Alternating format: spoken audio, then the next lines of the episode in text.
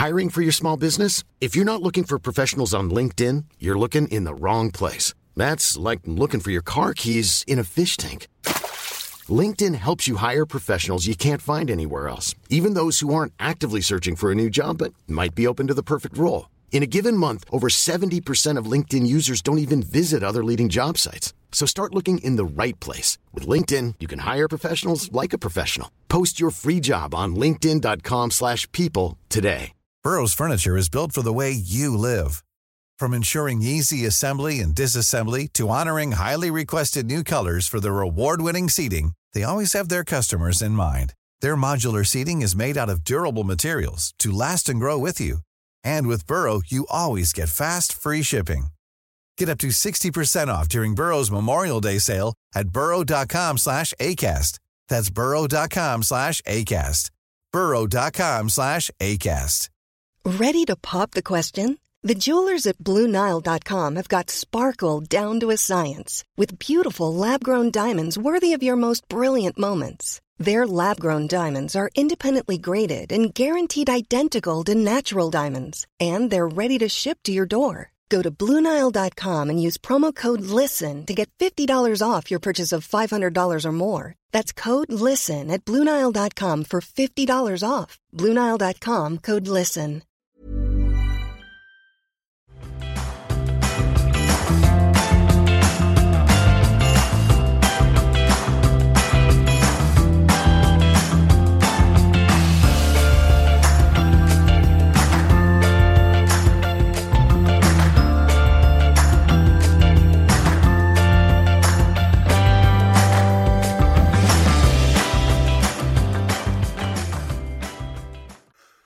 Dags. Avsnitt nummer två, Börsmagget. Vi är tillbaka. Samma tid och kanal som senast.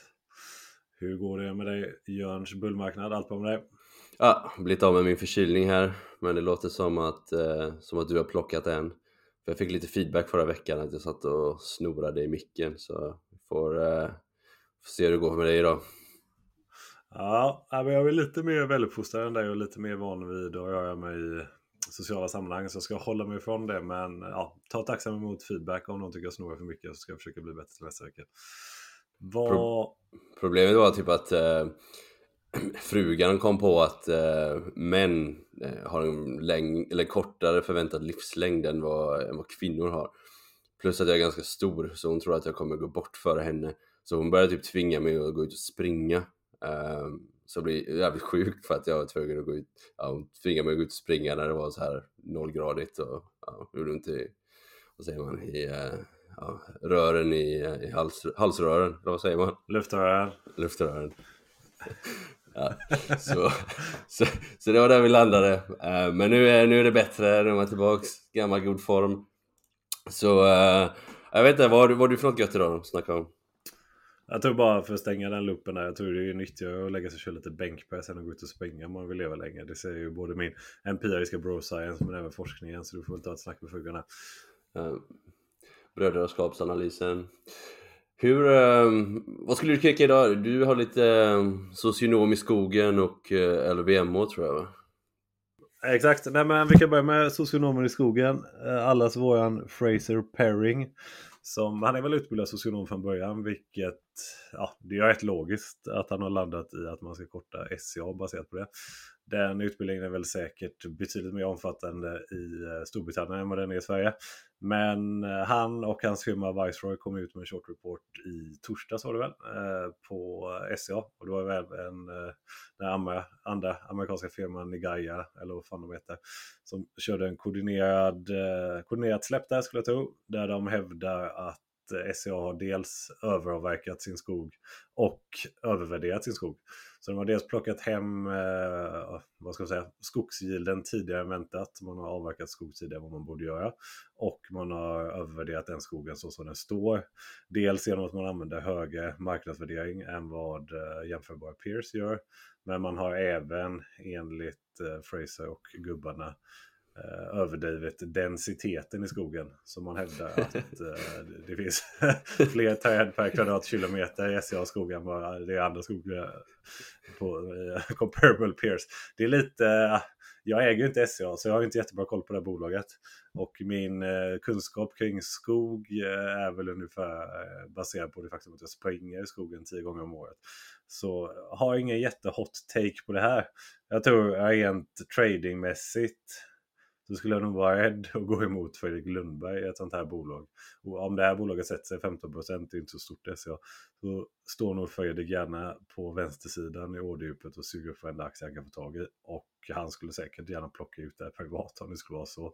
Och han har en lång, lång historia som både skogsägare och eh, liksom en, gillar att äga bolag som är exponerade mot eh, byggcykeln och hela den värdekedjan. Så jag tror kan säkert ligga någonting i analysen och att det kan finnas marginella felaktigheter i hur man har eh, värderat den här skogen. Men jag tror det är nog inget konkursfärdigt bolag. Så jag skulle nog eh, hålla mig borta från det korta i alla fall.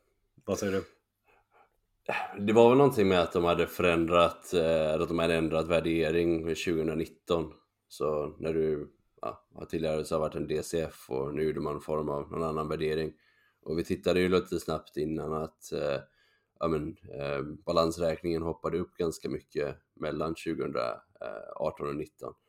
Eh, så man såg det efter att de spann av Essity där så, så, så ser man ju att eh, ja, men balansräkningen går väl från 60 till 100 miljarder nästan där på, på ett år. Så det kanske ligger någonting i det. Eh, jag vet inte, jag är så, jag är inte så fantastiskt insatt i det här faktiskt. Ehm, men ehm, det som är underligt är väl att varför Lundberg skulle, eller varför SCA skulle vilja göra det här egentligen. För att det kommer ju komma tillbaks och bita dem någon gång. För om inte skogsvärdena finns där och säljas så kommer de behöva skriva ner det. Och det, det känns som att ägarstrukturen är ju så långsiktig som man kan få tag på egentligen. Utan det är väl, eh, du har väl eviga ägare egentligen i bolaget. Så, så jag vet inte riktigt. Det, vi får väl se hur det spelar ut sig. Det är rätt kul att följa i alla fall. Men ehm, ja, har inga, inga, inga marker på bordet här direkt. Nej, man har ju full respekt för Fraser Perring efter Wirecard-historien. Även att han åkte in och vevade lite med SBB-djuren. Så eh, han är ju verkligen en kul aktör på börsen. Men ja, skulle kanske inte rygga hans trades eh, helt eh, blint i alla fall. Och från en eh, härlig källa skog till en annan läder, eh, lack och läder. Om jag säger det, vad tänker du då? Du tänker LVMH och du tänker Mange. Eh, LVMH kom in med en eh, ja, bra rapport, en riktig kioskvältare, en käftsmäll till alla som var bäsade luxury. De stängde 2023 med en tillväxt på 9%. Man tryckte upp lönsamheten något sämre. Ebit var upp 8%. Så du stänger böckerna med 86 eh, miljarder euro i topline och 23 miljarder euro i ebit. Eh, det verkar som det gått tämligen bra across the board. Tydligen Sevora gick exceptionally well. Du hade även eh, taxfree-butiken som gick jäkligt bra. Och sen så gick ja, lädermärkena bra med Louis Vuitton i spetsen.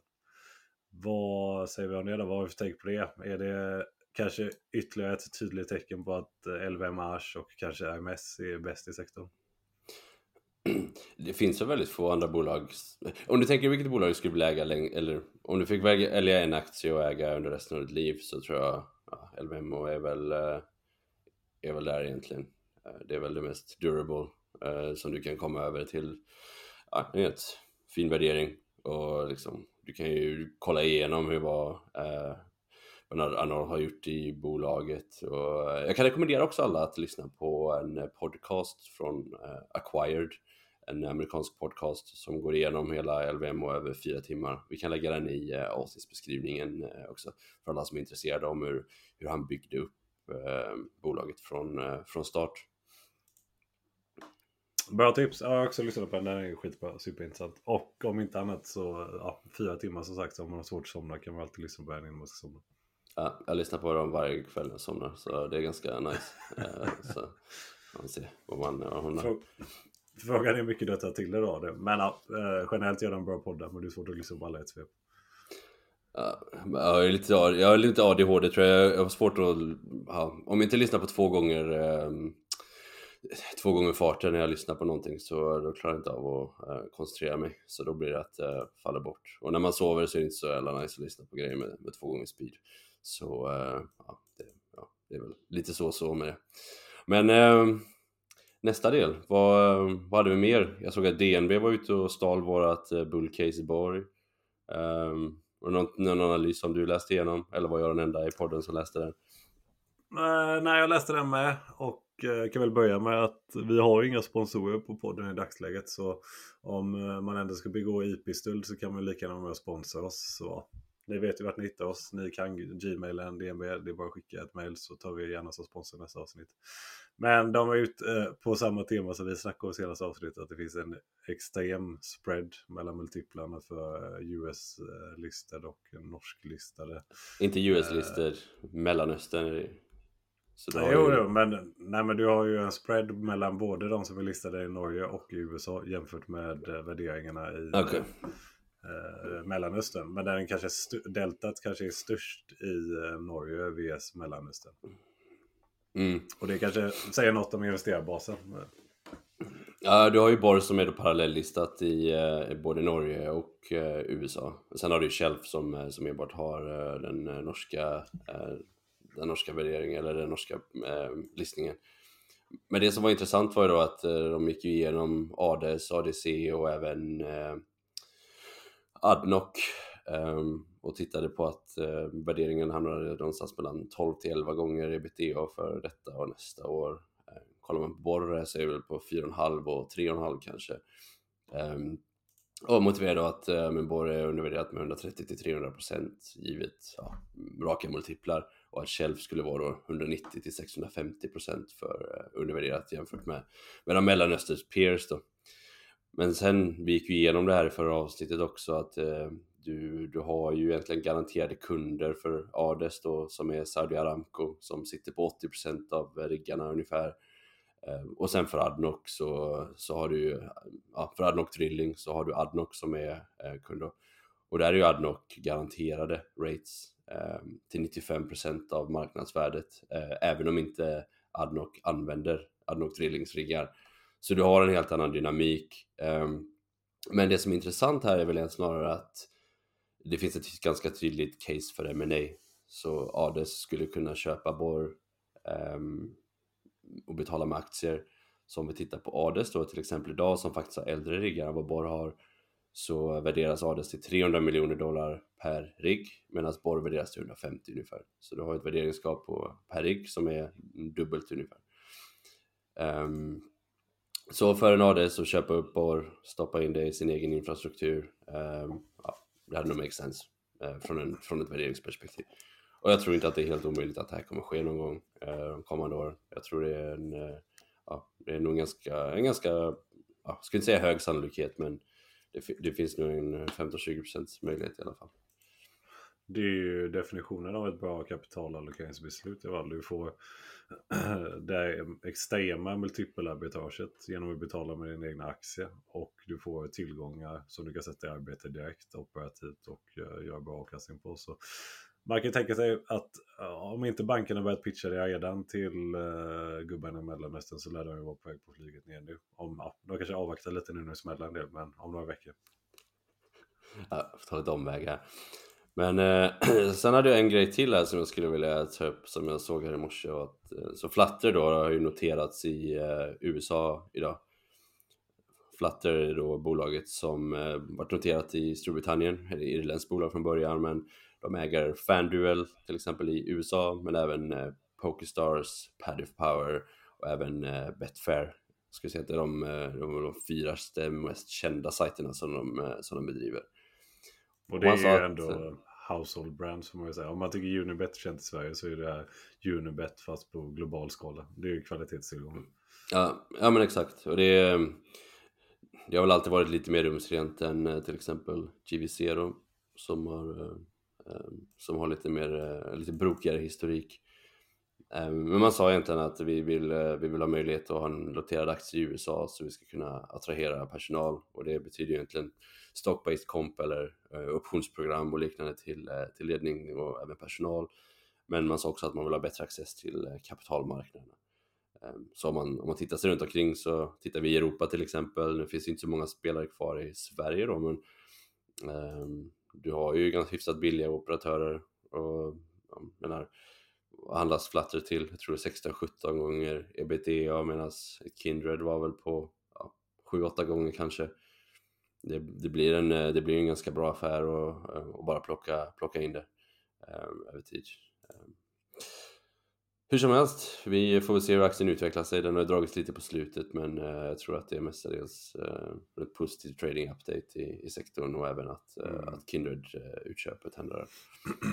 Mm. Det kan ju bli intressant att se om det får fart på snacket kring en dubbellistning av Evolution igen. Det har väl varit någonting många har snackat fram och tillbaka om. Men ja, bolaget har väl aldrig yttrat sig egentligen positivt i det. Men det borde ju vara ligga i korten om det här blir en framgångsresa så ökar väl pressen för Evolution att göra något liknande. Ja, det finns ju väldigt lite det finns ju ganska lite rational för Evo egentligen att notera sig i, i USA förutom att få upp värderingen på aktien. Det, det, det är egentligen enda anledningen. Ehm, tittar du i Evos topp 10-lista på ägare eller topp 20 så, så är det ju rätt mycket amerikaner där ändå. Det, det finns ju inte så mycket stora europeiska investerare som, som, som är i listan utan då har vi Capital Group som, som störst och eh, därefter ett, eh, en harang av amerikanska fonder egentligen. Mm. Man ska även ha med sig att det är en administrativ, administrativ mardröm att vara listad i USA jämfört med i Europa. Med Sorbanes Oxley och eh, jag har väl hört några så här nyckeltal att eh, bara liksom för att bli SOX compliant så får man slänga in 50-100 pers till på accountingavdelningen. Bara för att liksom administrera den biten och att det är sjukt mycket jobb i sig. Vilket gör att du tappar fokus från värdeskapande aktiviteter och lägger mer fokus på att vara compliant med ett tämligen eh, stökigt regelverk jämfört med det vi har i Sverige. Mm. Alright, är vi klara med första delen här då va? Ska vi uh hoppa över till uh, ett nytt, uh, nästa, detta avsnittets djupdyk. Så förra veckan så uh, körde vi drillers, men idag kommer vi gå in mer på food delivery. Och det här är egentligen en sektor som inte har några svenska spelare, eller det finns lite svenska involverade, men du har egentligen inga svenska bolag um, som, som har varit drivande här, utan det som folk kanske känner till, uh, mestadels från Sverige, är väl Foodora jag vet inte vilka andra uh, food delivery-bolag som, som håller till i, i Sverige riktigt. Volt uh, har väl funnits här i alla fall. Uh, jag är ingen lojal kund, men det har Volt och Uber Eats finns ju också. Och sen har du den gamla klassikern Online Pizza som uh, har väl en viss koppling till Foodora och även andra spelare i sektorn. Ja men exakt, vi, vi tänkte gå in här på food delivery, en ganska intressant bransch.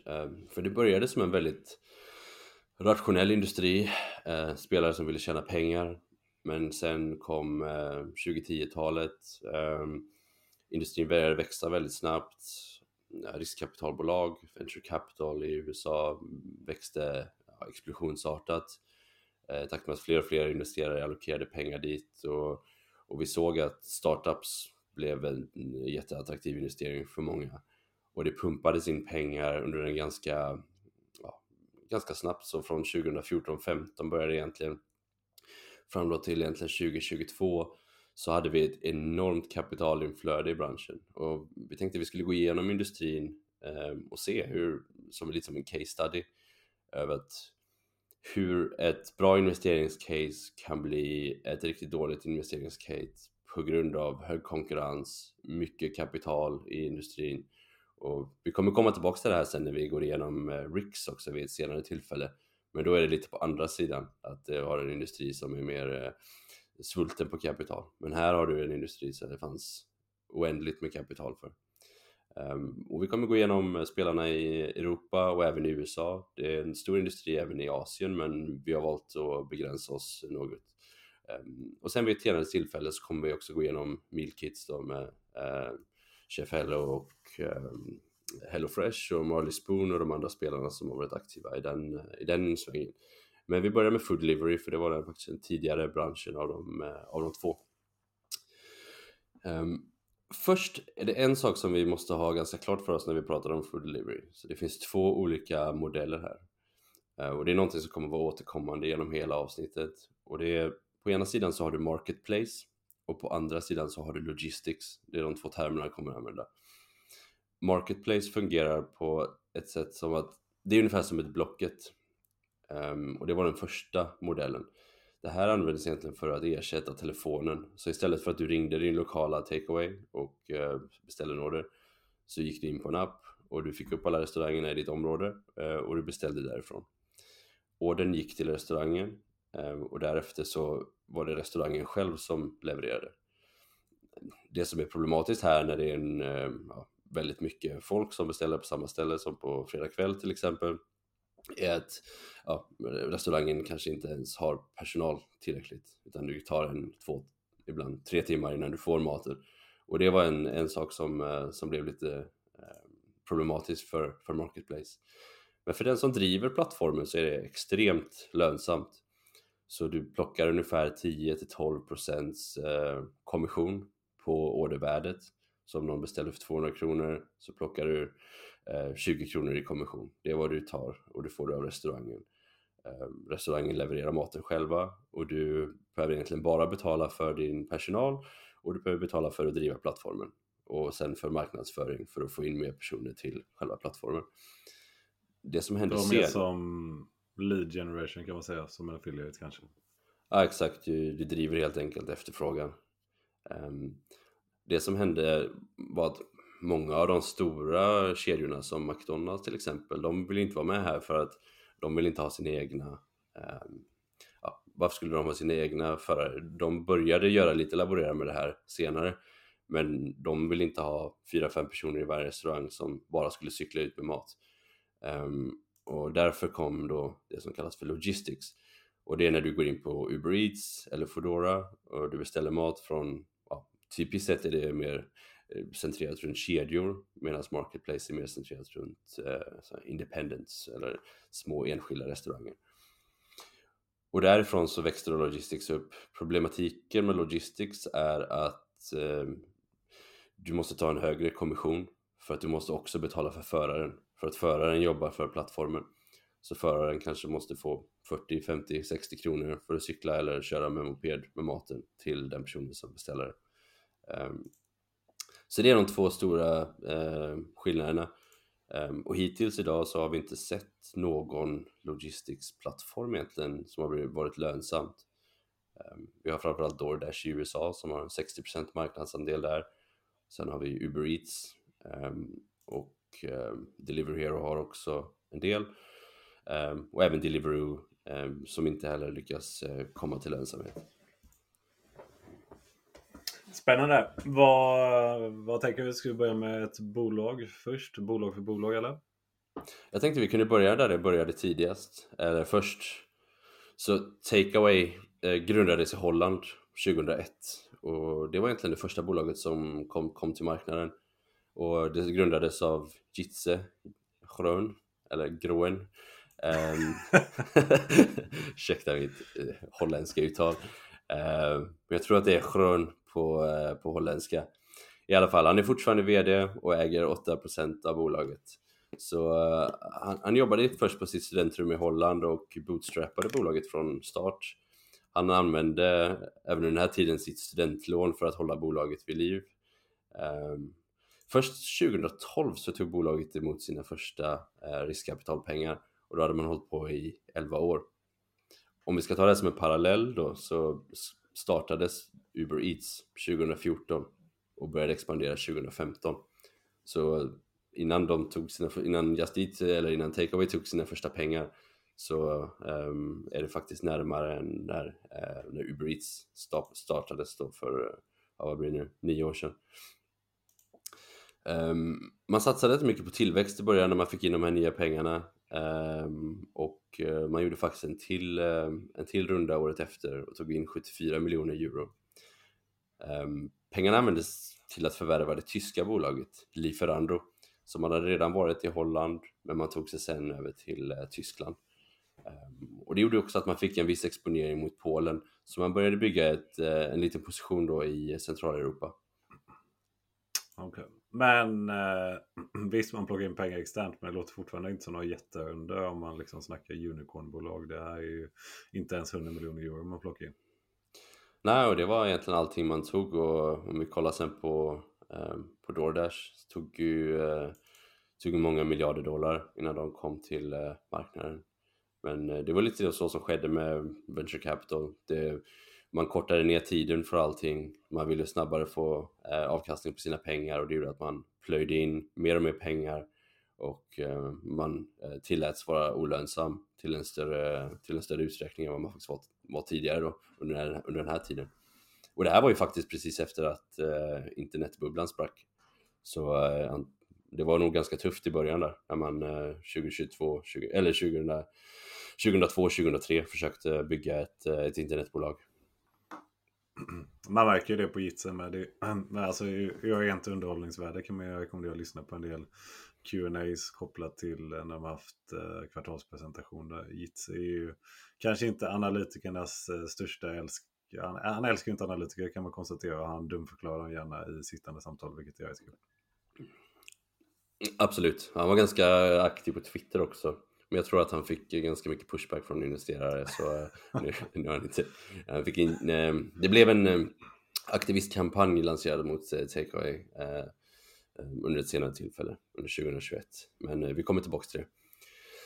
Så om vi flyttar över oss lite grann i, i Europa till Delivery Hero som var en av de tidiga pionjärerna också i Europa. Så Niklas Östberg som är, startade Online Pizza, han var en av grundarna Online Pizza i Sverige jag vet inte om ni minns det, men jag kommer ihåg eh, hur den här sajten såg ut. Men det var att, ja, då var ju enbart desktop, så du gick in på din dator och du gick in på en hemsida, du beställde pizzan där egentligen och restaurangerna fick ladda upp sina menyer själva. Ibland fanns ju inte grejerna, ibland, ja, det var ju inte alltid att restaurangerna var jätte noga med att ladda upp den senaste menyn och sådär. Men eh, det var i alla fall så det, så det startade. Um, Delivery Hero startades först 2011 så, ehm, och då åkte Niklas ner till Berlin, startade eh, Deliver Hero tillsammans med ett eh, par, jag vet inte om det var vänner eller gamla kollegor eller liknande, men det var ett gäng på fem stycken. Um, en av grundarna var faktiskt en person som heter Fabian Siegel som sen uh, startade Marley Spoon som är en av HelloFresh största konkurrenter. Ehm, så eh, men han, så han gick ifrån Delivery Hero efter några år och startade då Mealkit-bolaget eh, Marley Spoon istället. Delivery Hero tog ju direkt in, eh, tog ju direkt in VC-kapital. Eh, man började expandera, man gjorde det först till UK, eh, men även till Australien. Ehm, och man förvärvade ganska snabbt efter det också en plattform i Tyskland som heter Lieferheld. Så inte Lieferando då som Takeaway köpte. Ehm, därför så börjar man direkt expandera till Sydkorea men även Kina. Ehm, och Sydkorea kom och blev en ganska komplicerad historia för Delivery Hero um, knappt tio år senare ungefär. Lite äh, annorlunda expansion och gå dels globalt men också så icke sammanhängande globalt eller? Ja, det var, kändes ganska opportunistiskt. Man, äh, varför man gjorde det vet jag faktiskt inte. Men man spred ju sig väldigt snabbt internationellt.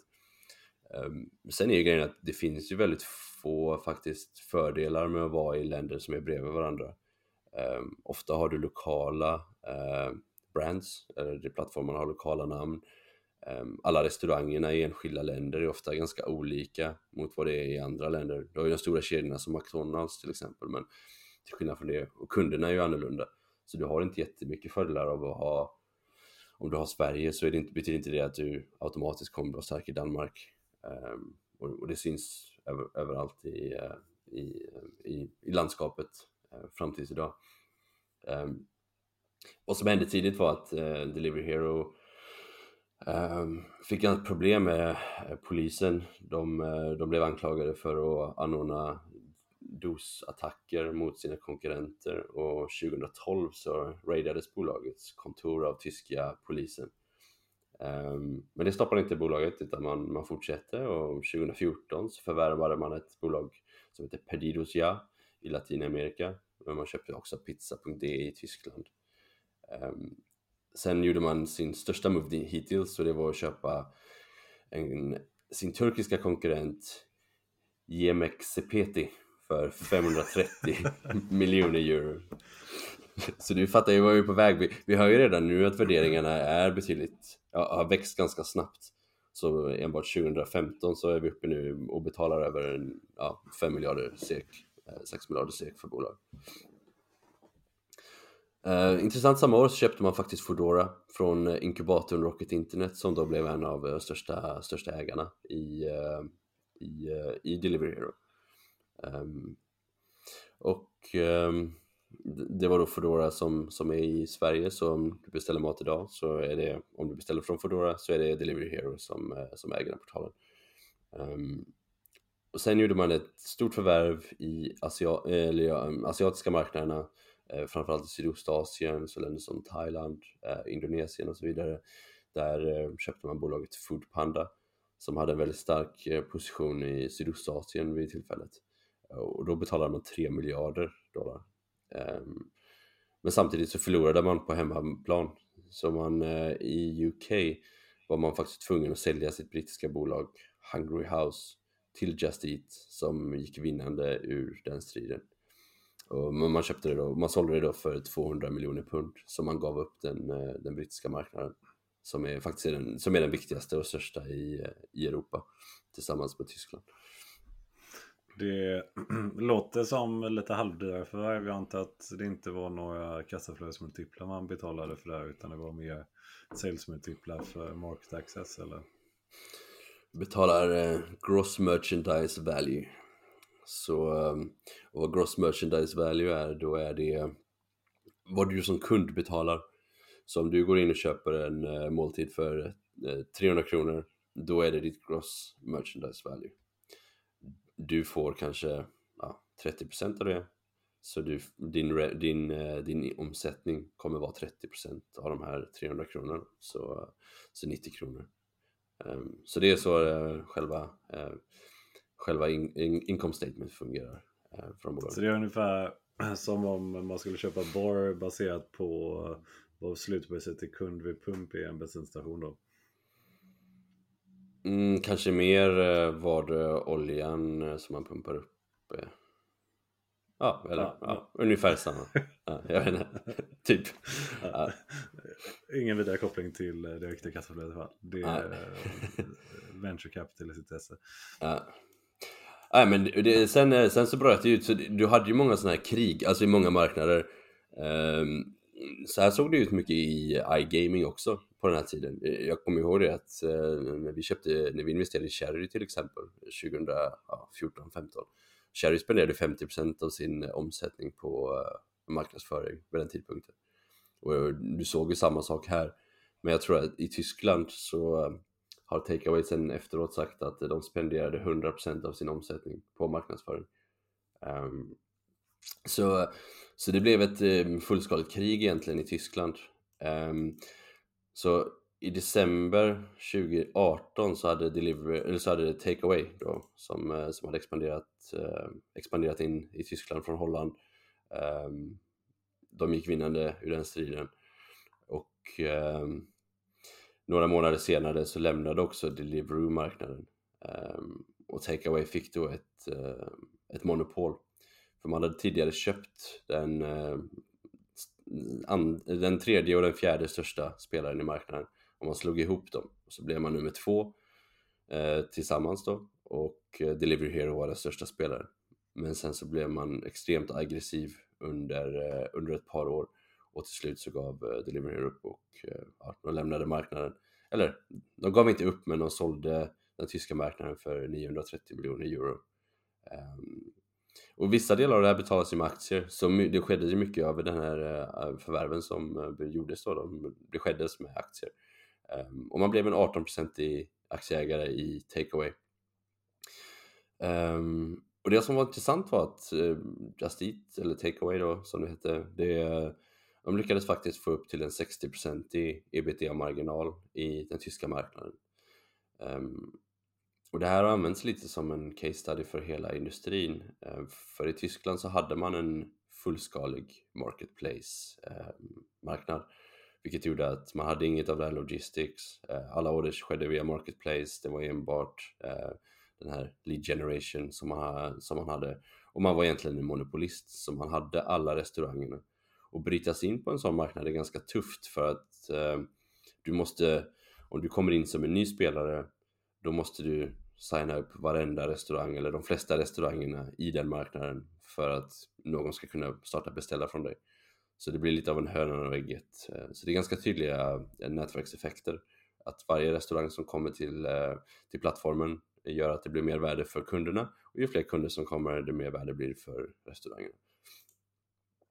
Um, så för Deliver here då, de, de var ju tvungna att lämna den uh, tyska marknaden. Um, och det var trots att man hade sitt eh, headquarter i Berlin. Uh, så man var faktiskt inte alls aktiv i den tyska marknaden. Uh, men man kom faktiskt tillbaks under pandemin under 2021 när uh, pengar var gratis. Och man man lanserade Delivery Hero från scratch och sa att vi kommer ge Just Eat eller Takeaway en kamp här då. Ehm, men man lyckades aldrig och nio månader senare så la man ner det försöket eftersom man inte fick någon direkt, eh, någon direkt traction. Hur funkar det då eh, när det var mer eller mindre monopol i Tyskland och eh, takeaway skötte inga leveranser? Var det restaurangerna själva som anställde ett gäng gubbar och tjejer på cyklar då? Eller var det någon tredjepartsaktör som gick in och körde logistiken separat för dem?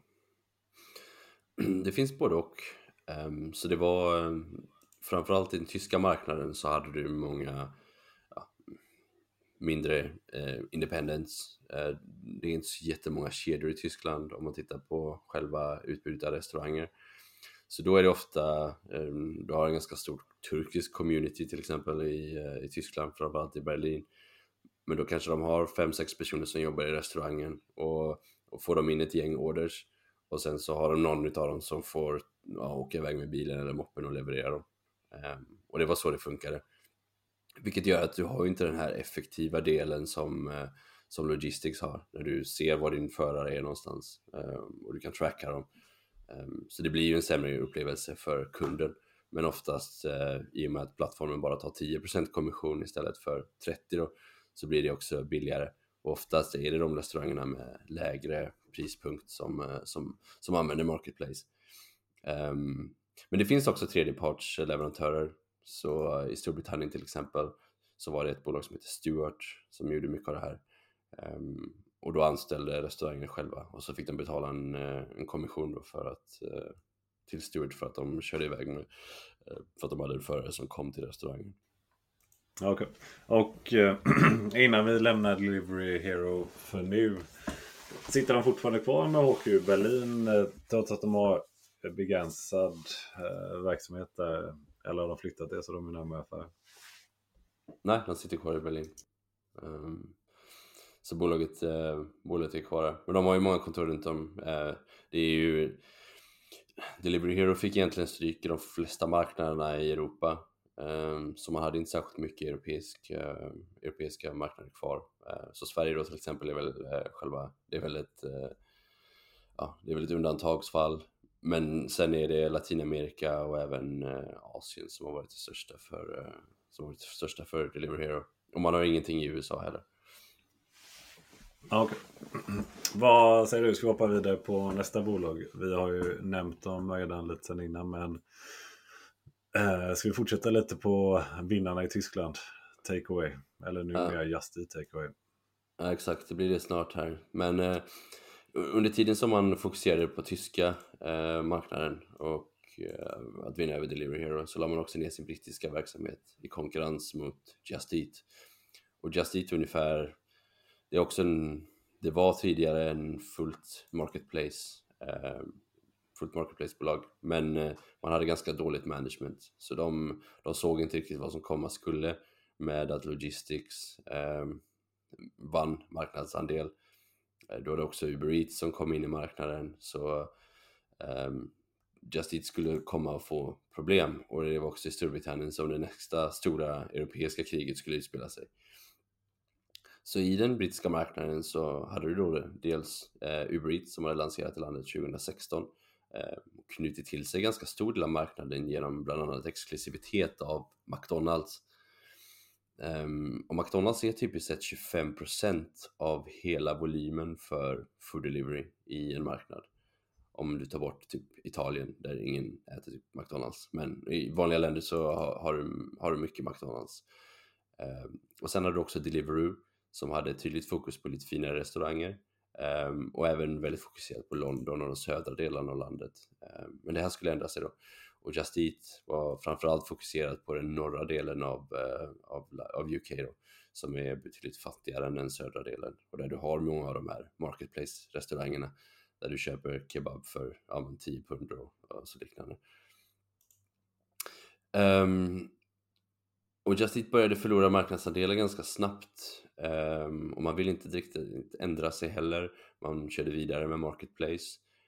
Um, man hade ingen order eller tracking av ordrarna i appar um, och de stora kedjorna och om du tänker på ett, ett land som Storbritannien så har du ganska många stora kedjor mm. och de vill inte leverera själva. Så när Uber Eats och Deliveroo kom till dem och sa att vi kan leverera det här vi har venture capital backning, vi behöver inte tjäna några pengar, vi gör det till lite dyrare än vad Just Eat gör Marketplace. Ja, då blev det att många av restaurangerna kom väldigt snabbt in på de plattformarna och Just Eat började förlora eh, marknadsandelar ganska snabbt.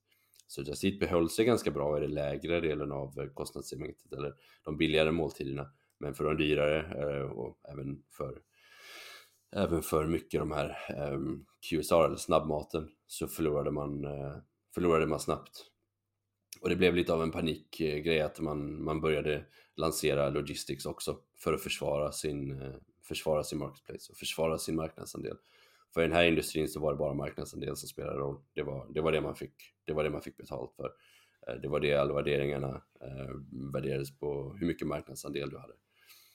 Ehm, så vad hände var att man hade en stor aktivist som gick in eh, i Just Eat.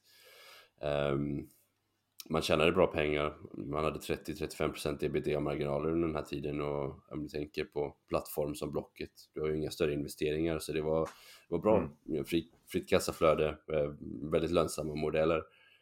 Um, men Catrock, en amerikansk eh, investerare som kommer från den här hedgefonden Tiger Global, så en av de framgångsrika personerna på Tiger Global spann av och startade sin egen fond som blev då en aktivistfond. Eh, de drev en aktivistkampanj länge att de skulle försöka sälja sig själva och eh, då la faktiskt Takeaway, som sen blev Just Eat Takeaway, eh, ett bud. Men det dröjde ett par år efter att, efter att den här kampanjen började. Okay. Och budet lades då 2019 och det gick igenom 2020 efter att Konkurrensmyndigheten eh, sa ja till det. Okay. Hur ser marknaden ut i eh, UK idag då? Alltså det, marknaden i UK idag har väl hamnat lite i ett... Eh, ja, den har väl eh, stabiliserat sig. För du har haft Just Eat och Just Eat Takeaway. Så de var, hade Marketplace som var väldigt lönsamt. Men de tvingades in och, och investera i logistics. Och man hade egentligen ingen erfarenhet av det. Så man eh, la extremt mycket pengar på att ha sina egna, eh, egna förare runt om i stan. Um, men det gjorde att man förlorade enorma pengar. Så man, man gick från att ha 30-40% marginal till att ja, ha 10-15% negativ marginal. Um, och det var faktiskt Jim Chanos till exempel, den eh, legendariska short-säljaren, eller short-säljaren. Han var involverad i många av de här bolagen och var short för han såg vad som skulle hända när de var tvungna att investera i, eh, i logistics. Ehm, men idag ser marknaden ut att Deliveroo är fortfarande starka i London. Ehm, Just Eat starkare i den norra delen av landet. Ehm, och sen har du Uber Eats som är någonstans mittemellan. Men Just Eat har ungefär 40-45% marknadsandel. Sen har Deliveroo runt 25 och så har Uber Eats ungefär resten. Men man märker ju det att det är mycket mindre rabattkoder som florerar i marknaden och folk bryr sig faktiskt om att, att tjäna, en, tjäna en vinst. Um, så det, det är ungefär så marknaden har utvecklat sig uh, nu då, det senaste. Okej, okay. och uh, jag kan tänka mig när man väl gjorde förvärvet av Just Eat att det var i alla fall bra timing givet att världen gick in i en lockdown. Så det måste varit en period där det åtminstone såg tämligen positivt ut.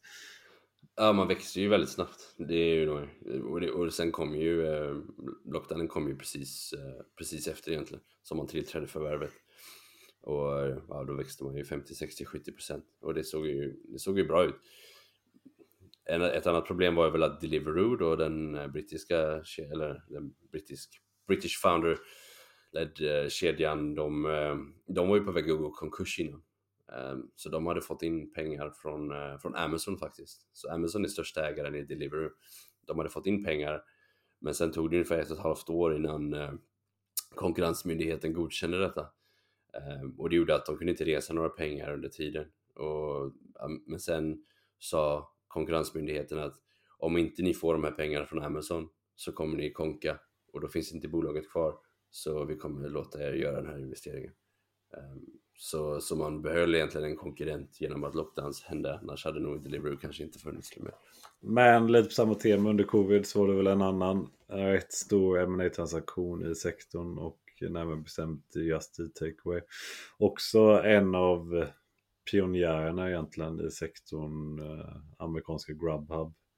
Som är, om jag minns rätt startat i Chicago och eh, primärt starka i liksom de typiska finansiella centerna i USA som Chicago, New York, eh, Boston. Eh, där la Jitse och gänget på Just Takeaway ett bud. Eh, var det tidigt 2020 eller när var det? Det var egentligen tre månader efter att Just Eat hade, hade gått i lås. Så man, man gick då, och investerare blev ju ganska äh, ja, rädda under den här tiden. För man gick då från att köpa Eh, Just Eat, skulle göra hela den integreringen. Men Grubhub hamnade egentligen på eh, försäljningsblocket. Så Uber försökte köpa Grubhub. Um, grejen var att Grubhub um, var en också de här tidiga pionjärerna. Så man hade blivit, um, ja, man hade gått till börsen redan 2014 och det var år innan många av de här, eh, många av de andra plattformarna inte ens hade skapats. Um, och eh, man hade en helt, eh, en helt ren eh, marketplace-modell som var väldigt lönsam.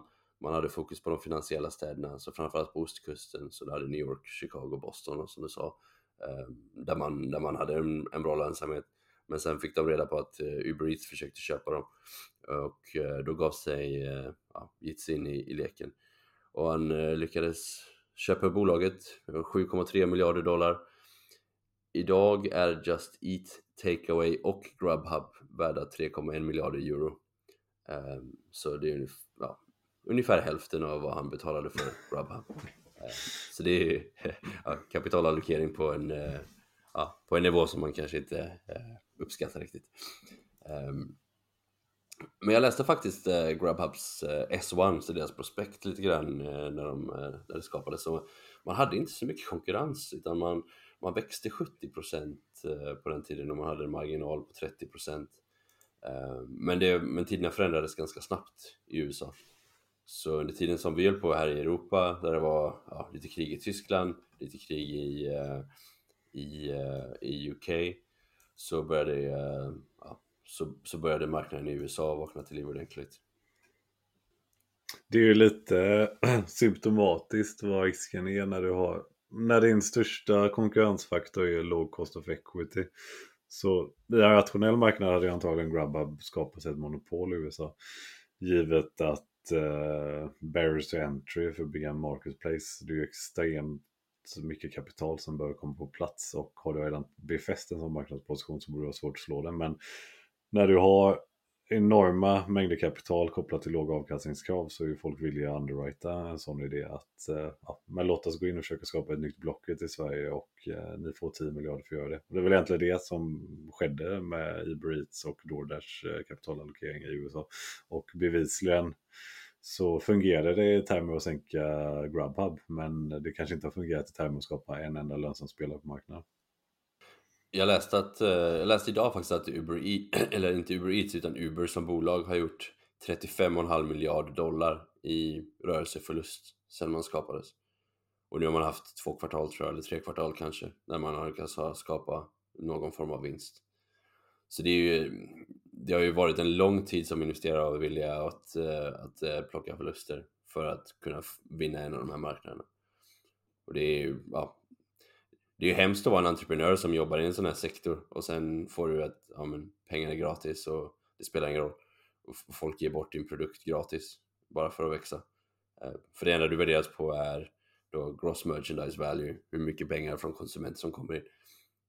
Men eh, jag kommer ihåg det under coronakrisen det, det fanns ju de här nya eh, delivery service som skapades i London och det fanns ett bolag som hette Getir som var en, eh, en spelare som gick från men, en halv miljard till 10 miljarder dollar eh, värdering på typ 10 månader. Och man gav ju bort mat gratis. Så de tre första orderna jag hade så kunde man beställa för 15 pund. Eh, men du fick 15 pund i rabatt. Så, som jag kunde beställa för 16 och så var jag tvungen att betala en pund och så fick jag mat och grejer för 15 pund. Och det kunde man göra tre gånger. Så man, man konkurrerade på en helt annan, eh, helt annan nivå. Och det är, det är svårt om man, eh, om man försöker vara en rationell spelare i en sån industri. Och på tal om covid. Eh, en timing, ja, typ sett så förväntar man sig att covid var positivt för de flesta spelarna. Men just i USA så blev det väl nästan tvärtom på grund av regulatoriska krafter. Vad var det som hände i samband med covid i de stora städerna? Först och främst så var det att eh, folk började jobba hemifrån. Och det ska vi kommer komma in på det mer sen men DoorDash eh, de hade fokuserat mer på eh, förorterna. Eller suburbs som man kallar det i USA. Eh, medan Grubhub då hade stort fäste i de eh, stora metropolerna. Men ingen åkte till jobbet längre utan alla jobbade hemifrån. Vilket gjorde att Grubhub växte inte så mycket under den här tiden medan DoorDash eh, pingade över 100% tillväxt varje kvartal och sen visade det sig också att eh, New York City till exempel, de skulle sätta in en, eh, en cap i hur mycket kommission plattformarna skulle få ta och den hamnade runt 15% vilket gjorde att eh, de som hade stor exponering mot New York till exempel, så vilket Grubhub hade med 40% Um, ehm, ja, de kunde inte tjäna pengar i sin, stark, i sin starkaste marknad. Um, och det gjorde att um, ja, deras marknaden föll, föll bort för dem egentligen. Ehm, så på, ehm, på ganska kort tid så, så eh, gick det snabbt att DoorDash plockade mycket marknadsandelar. There's never been a faster or easier way to start your weight loss journey than with PlushCare. PlushCare accepts most insurance plans and gives you online access to board-certified physicians who can prescribe FDA-approved weight loss medications like Wigovi and Zepbound for those who qualify. Take charge of your health and speak with a board certified physician about a weight loss plan that's right for you. Get started today at plushcare.com slash weight loss. That's plushcare.com slash weight loss. Plushcare.com slash weight loss. Everyone knows therapy is great for solving problems, but getting therapy has its own problems too, like finding the right therapist, fitting into their schedule, and of course, the cost. Well, BetterHelp can solve those problems. It's totally online and built around your schedule. It's surprisingly affordable too. Connect with a credentialed therapist by phone, video, or online chat, all from the comfort of your home. Visit betterhelp.com to learn more and save 10% on your first month. That's BetterHelp H E L P. Egentligen en perfekt storm. Du vet, förvärv man har betalt mycket för covid som kommer och stänger det. För det eh, liksom tjusningen med att vara stark i New York är ju någonstans att pricing power gör rätt bra på food delivery exempelvis i New York. För du har en extrem densitet på kunder som köper kanske både lunch men primärt middag.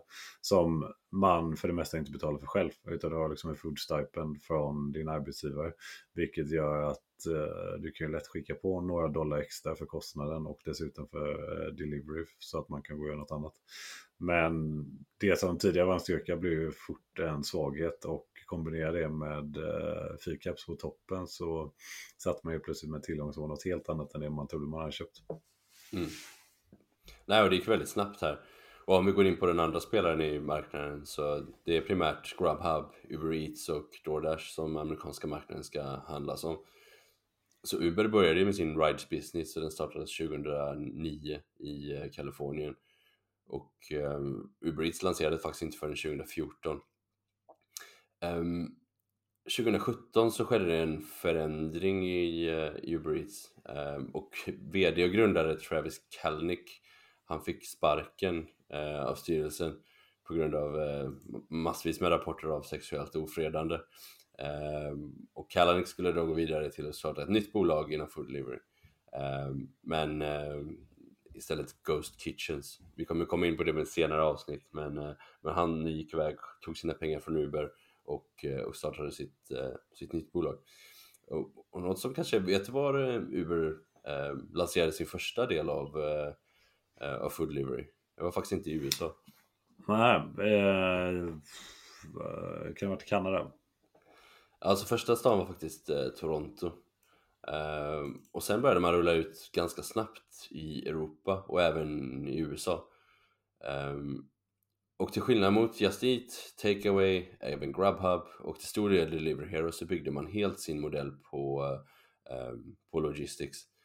Um, som vi redan har gått igenom ganska, ganska mycket i detalj här. Men uh, man gjorde enbart det, man brydde sig inte alls om Marketplace. Utan här var det VC på steroider och man skulle växa så snabbt som möjligt. Um, och skillnaden är då att um, för Uber Eats som uh, Uber Eats hade ju då egentligen, de ville bara växa och ett recept för dem att växa var att eh, man signade upp eh, McDonalds i många marknader och man sa att okej, okay, vi kommer kunna växa det här eh, så snabbt som möjligt för er. Eh, okej, okay, vi kommer göra det här till en extremt låg kommission. Vi gör logistics, vanligtvis tar plattformarna 30-35%. Vi kommer ge er för 15-20%. Och man blåste på med eh, logistics överallt tillsammans med McDonalds. Och som vi nämnde förut, då, McDonalds är ungefär 25% av volymen i vilken marknad som helst. Så man växte extremt snabbt. Man visste inte riktigt var marknaden skulle sluta eller hur stor del av marknaden det faktiskt skulle vara. Men man blåste på med vouchers och man blåste eh, och rabattkoder mot kunderna och man blåste på med låg kommission mot restaurangerna för att bygga upp den här eh, marknaden, eh, bygga upp sin, eh, sitt nätverk så snabbt som möjligt i många olika länder runt om. Låter som ett bra sätt att börja ha en del kassaflöde eller? Ja, det är väl lite av de här 35 miljarderna då som, eller dollar, 300. Ja men det är ganska sjukt att Uber som bolag har bränt 400 miljarder SEK Eh, det är, sen man startades 2009. Det är ganska absurt. Det är nästan ett eh, topp 10-bolag på Stockholmsbörsen om man sätter ett plus framför det. Ja, typ två Evo, två Evo liksom. Ja. Man kan förstå, eh, eller jag kan tänka mig att det är rational som dopas lite av det faktum att för mycket av eh, liksom, resonemanget måste ju varit att man såg att man hade positiva unit economics som säkert såg jättebra ut. Och allting handlade om eh, så här, land grabbing, winner takes all. Man såg väl en tydlighet att det kommer aldrig finnas 20 sådana spelare på lokalmarknaden utan det kommer finnas en, max två. Och jag gissar, givet att man hade kapital som mer eller mindre var gratis, så tänkte man att ja, låt oss försöka ta den här marknaden, punkt slut. Och sen om 50 år så kommer vi äga den och då kommer vi kunna eh, skörda frukterna. Men givet att det har gått 10 år nu så ja, antingen så är det en timing-effekt eller så blev det för många irrationella spelare på en det blev ju för många internationella spelare och det blev ju ett, det blev ett race. Ehm, men det börjar utkristallisera sig nu vem som vinner. Det borde komma konsolidering i sektorn. Att eh, några spelare måste bort. Och då kommer man nog börja kunna tjäna pengar här. Eh, men då måste du också höja priserna mot kund. Eh, för kunderna måste i slutändan betala för det de, eh, för det de får. För de har ju fått mm. en subventionerad service de senaste 10-12 åren. Du betalar inte det faktiska priset. För ingen av de här plattformarna tjänar ju pengar idag. Mm. Jag vet, du har nämnt det tidigare för mig, du har snackat om det här att eh, du har liksom kulturell differens i USA och Europa med där en större del av lönemodellen för de som faktiskt sköter logistics är att ja, du kan betala lägre löner på grund av att du har en DEX-modell på ett annat sätt i serviceyrken i eh, USA. Är det, har det varit en stor faktor i, i dels hur aggressivt man har kunnat gå men också hur pass snabbt man har kunnat skala? Eller? Ja, det har varit en stor eh, skillnad i varför man tror att eh, varför logistics aldrig kommer fungera i Europa. Och det är just för, på grund av ja, två anledningar egentligen. Den här frilansmodellen då som vi har i, eh, i Europa, som har varit i Europa men som troligtvis inte kommer finnas kvar mycket längre. Ehm, det vill säga att föraren som, eh, som levererar maten, de är inte heltidsanställda eller anställda överhuvudtaget utan de får sina Eh, sina kronor när de gör en leverans och de är betald per leverans och du får upp arbetet i appen och du klickar på eh, att du accepterar eller nekar, nekar jobbet. Eh, det gör att du inte behöver betala någonting när du bara sitter runt omkring och inte gör någonting utan plattformen betalar ju enbart när du får det. Men det anses i vissa stater, till exempel New York nu då, nu har du faktiskt en minimilön per arbetare på ja, nästan 19 dollar. Vilket är ganska högt givet att, en, eh, givet att du bara gör 2-3 leveranser per timme så måste det slås ut på, eh, på leveranskostnader. Och sen är det också det att eh, du har dricks också i USA. Så om man tittar på den fasta lönen som, eller lönen som eh, leveransarbetarna får i USA, den är betydligt lägre än vad den har varit i Europa. För i Europa får du bara pengarna från plattformen. Så det ska täcka, det ska täcka allting. Bränsle för din moped och för att köpa en moped och hela den biten. I USA får du dricks, så då kan du räkna med att du får 3-4 extra dollar. Men då gör plattformarna så att de betalar lägre för arbetet. De kan betala 2-3 dollar istället, istället för 5 dollar som det kanske är i Europa. Och därefter så antar man att du kommer få dricks som är på en viss nivå. Och det betalar ju eh, kunden på toppen. Eh, det är ingenting som, som du har innan. Um, så det är också en annan anledning till varför den här modellen faktiskt kan fungera i USA till skillnad mot Europa.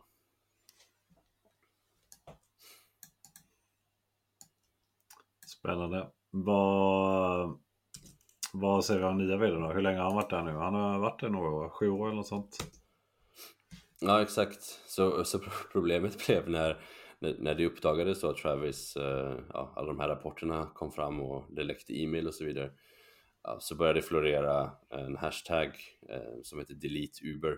Och jag tror att på bara någon vecka eller två så förlorade man 5-6% marknadsandel i USA inom ride-sharing då mellan eh, eh, med, mot, till Lyft eh, som är deras största konkurrent inom, eh, inom rideshare.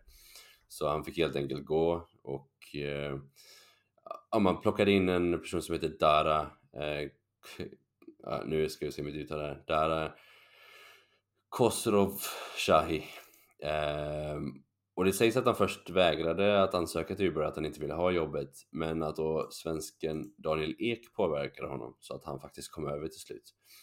Ehm, problematiken för Dara var att han hade ett eh, optionsprogram på 185 miljoner dollar som, hade, som var in the money på Expedia där han nuvarande var VD. Um, ehm, så det ryktas att Uber betalade honom 200 miljoner dollar eller 2 miljarder SEK för att, uh, för att komma över. Jag vill minnas att även eh, den gamla legenden Jeff Immelt ryktades som en av de potentiella att ta över i det läget. Han gamla General Electric vdn. Men att han tydligen eh, ut ut totalt när han skulle presentera framför styrelsen. Så de eh, kände att eh, det kanske kan vara värt att betala två miljarder för att ta in någon som faktiskt vet vad han snackar om. Jag tror att det blev en, det finns en podd med eh, Dara också eh, som vi kan, säkert kan hitta. Eh, jag tror att det också är på Acquired, jag gjorde en intervju med honom. Vi kan lägga den i, i avsnittsbeskrivningen också. Mm. Ehm, det finns men... ju även en, eh, när vi ändå är inne på poddar med Jitse Garoin eller Garoin som vi skulle kunna skicka upp har jag för mig som har några år på nacken och som är ett intervju med hans uh, creation story av Just Eat och där man får en liten inblick i hans personlighet. Jag personligen kan känna att jag tar hellre några bärs med Jitse än med uh, någon av de andra grundarna i den här sektorn. Ja men jag tror det. Han är jag vet inte bra självuppfattning han har riktigt men han är ganska... jag tror han är... Han är ganska manlig, han gillar att... Ja, om, om mansplaining in things så är Jitse grundaren. Uh, I alla fall, vi... Uh, vid den här tidpunkten då när Dara kom in så då hade vi Uber Eats, man, man var ungefär 20 länder runt om, uh, EMEA, och när man expanderar ett land så kör man alltid huvudstäderna först och kanske de andra tredje största staden. Så man, man var i 200, 200 städer ungefär runt de här 20 länderna. En grej som var sjukt när de skulle, när de lanserade i Kina, det var att man, eh, man kunde inte riktigt konkurrera. Så du, äh, när du går in i ett nytt land helt enkelt, och det här är inte för Eats utan detta är för Rides, men det kommer påverka Uber ganska mycket. Ähm, och det är att när man, när man lanserade i Kina så ger man ju ut först rabattkoder till eh, de som ska åka taxi så att de ska testa din app istället för den andra lokala appen. Och sen så ger du bättre betalt till förarna mot att göra det här. Problematiken var att man var tvungen att ge så mycket eh, incitament till förarna och även till kunderna att folk skapade algoritmer där man skapade fake eh, ja, man skapade fake-konton och taxiförarna egentligen inte gjorde några resor utan de skapade små center där folk bara satt och eh, skrev upp sig på nya profiler där man sen gick in på Uber beställde en ride, man tog riden själv och sen så körde man bara runt och så sög man då ut då, för man behövde inte betala så mycket för riden. Så säg att du betalar 5 dollar för riden men föraren fick 10 eller 15. Eh, och jag tror att de gjorde miljarder i förluster på det här. Så kineserna känner så här eh, klassiskt ja, krigmotor liksom. så, ja, exakt. Så, så det blev ganska tufft, men till slut var man tvungen att sälja sin kinesiska verksamhet till Didi, ett bolag som också är, är listat, eh, listat då. Men man, man fick en, fem, jag tror en 5% andel i bolaget. Uh, och samma sak skulle också hända sen i Indien, uh, där man också sålde sin business till Somato och man fick 10% av Somato mot att man gav bort sin business där. För man kunde inte riktigt eh, konkurrera på så många ställen. Och, och göra det här i Asien är en helt annan business än att göra den i, i, i USA och Europa till exempel. Um, man gjorde också så här i uh, mellan, Mellanöstern, så man sålde sin business till Karim och man blev istället ägare där också. Um, men, men sen skulle, svensk ja. i mixen, det är en svensk founder på Karima, tror jag, eller mm. en co-founder. Ja, stämmer. Um, och sen hände ju pandemin och sen började allting växa ganska snabbt. Uh, rides, ja, det, det, var ingen som tog Uber, jag tror det gick ner till 35% kapacitet eller till 35% av den ursprungliga efterfrågan. Um, och då började ju, då räddade väl Food Delivery uh, bolaget egentligen. Så man pumpade på ganska, ganska snabbt. Food Delivery brukar vara en ganska liten del av Uber men det blev faktiskt mer än 50% ett tag. Intressant. Vad, vi blir lätt lite långrandiga, men jag tänker Ska vi hoppa på en av de mer intressanta spelarna i mixen och vi har redan nämnt om DoorDash. Men lite baserat på den historien när vi har dött de här bolagen så om vi går tillbaka till Takeaway, de grundades någonstans 2001 och eh, det är ju lite intressant att man fortfarande 2012 då kommer på idén att starta en konkurrent i den här branschen när Grubhub, de kanske inte var noterade då men de var i alla fall en unicorn vid det, vid det laget. Eh, hur kom det sig att DoorDash blev till 2012? Eh, vad är deras founding story? Alltså det var eh, Tony Chu, han som är VD och även grundare nu då. Han skapade ihop med några vänner. De, de pluggade ihop på Stanford. Ehm, men de skapade det som ett bolag som heter Palo Alto Delivery.com. Och därifrån så började det byggas. Men efter att de fick VC-pengar så bytte de pengar till DoorDash.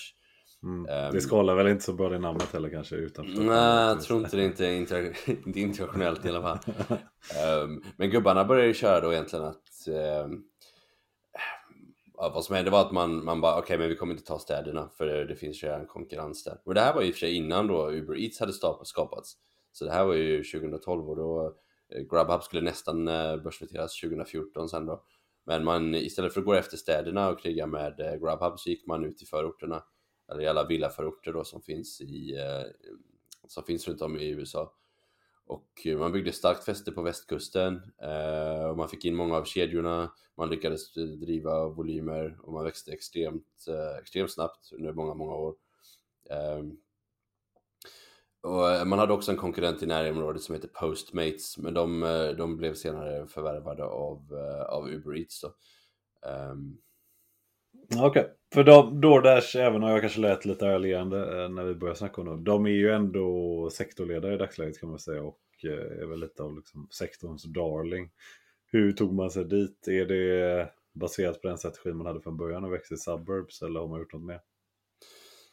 Ja men det var, det var så det hände. Och sen kom ju pandemin. Och då flyttade ju alla till suburbs. Så alla kunder, alla som brukade vara kunder på GrabHub som gick till, som jobbade i Manhattan men bodde på Long Island de, ja, de, de bodde ju där nu. Och där fanns inte GrabHub med samma eh, erbjudande.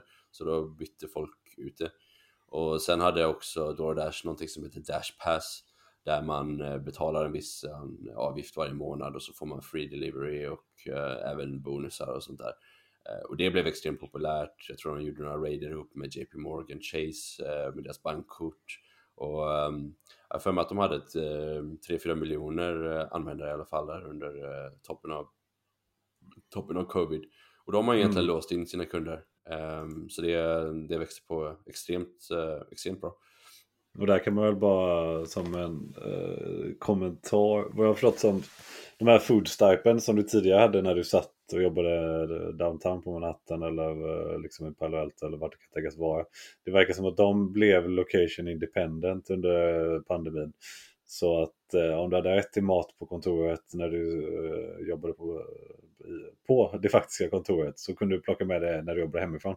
Så betalningsviljan fanns ju fortfarande kvar fast eh, kunderna satt i suburbs. Så det måste väl varit en bra boost för deras affär kan jag tänka mig. Ja men exakt. Och de, och de, DoorDash har ju 60% marknadsandelar. Då. Och de, jag tror det pikade runt 65 kanske, men man har inte tappat mycket marknadsandelar nu när vi ändå har en hybrid, eh, en hybridmodell på arbete. Så man, eh, man, tog ju verkligen, man tog ju verkligen situationen och ja, lyckades göra någonting utav det. Mm. Och man, techboom 2020, covid, mm. gick till börsen misstänker jag.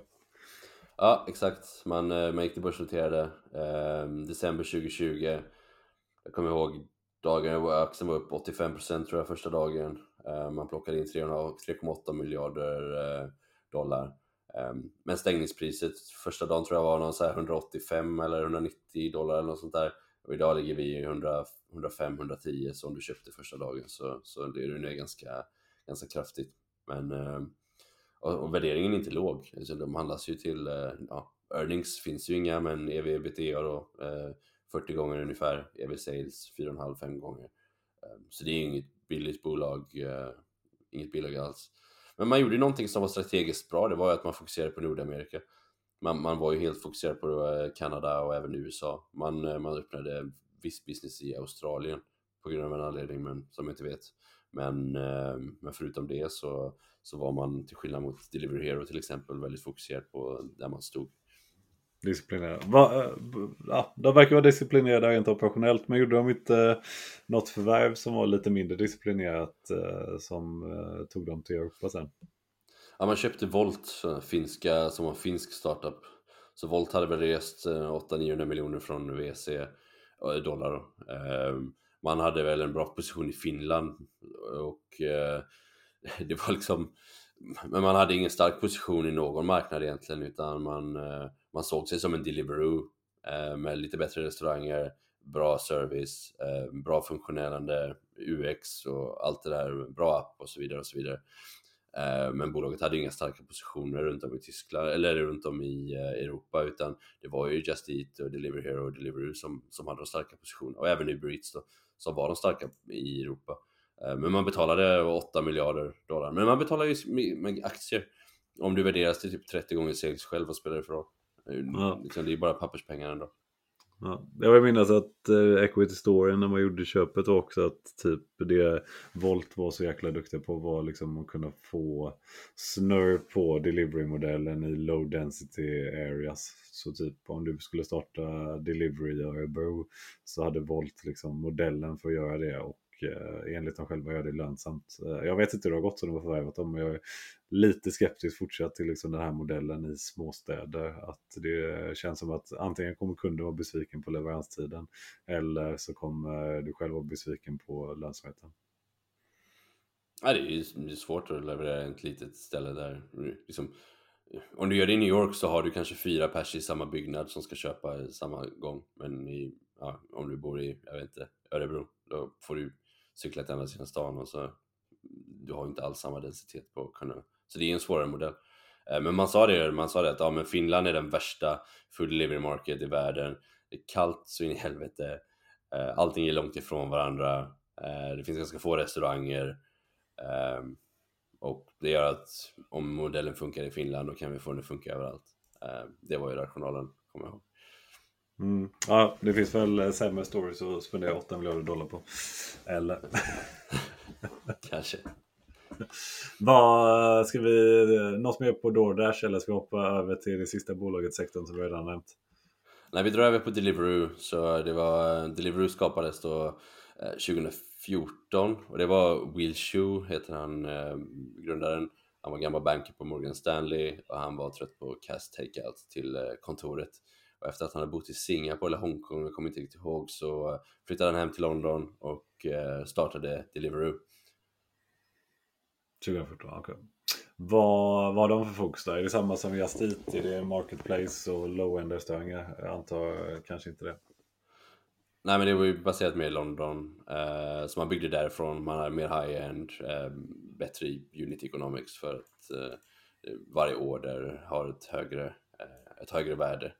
Eh, vilket gör att om din kommission är 30% men du har det på eh, 500 kronor istället för 300 kronor så är det, det lättare att få det att, att gå ihop. Eh, och UK har varit den viktigaste marknaden, ungefär hälften för Deliveroo. Men sen så expanderar man också till andra hubbar, men det var mer finansstäder såsom Singapore, Hongkong, även, även UAE då, så Dubai och Abu Dhabi och liknande.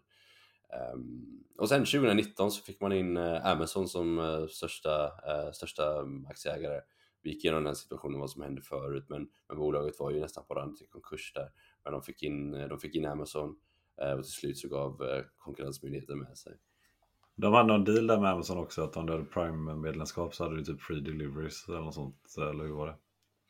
Ja exakt, ovanför 25 pund har jag för mig att det var. Så om du, eh, om du hade Prime-medlemskap så kunde du, eh, kunde du beställa på, på Delivery utan att betala eh, avgifter. Men ja, jag tror inte det var helt så här att ja, oavsett vad du beställde utan det var, du var tvungen att beställa för visst ordervärde. Okej. Okay. Och Amazon, de har legat kvar på samma ägarandel eller för annars de verkar vara mycket för att bandla sitt Prime-erbjudande. De har inte försökt öka sitt ägande eller minska sitt ägande i Deliveroo eller? Nej, det har varit, uh, varit helt still faktiskt. Uh, jag vet inte om de har sålt kanske. För Deliveroo har faktiskt gjort en del återköp så det är möjligt att det har kommit ut lite grann men jag, jag tror, inte att de har, jag tror inte att de har köpt någonting.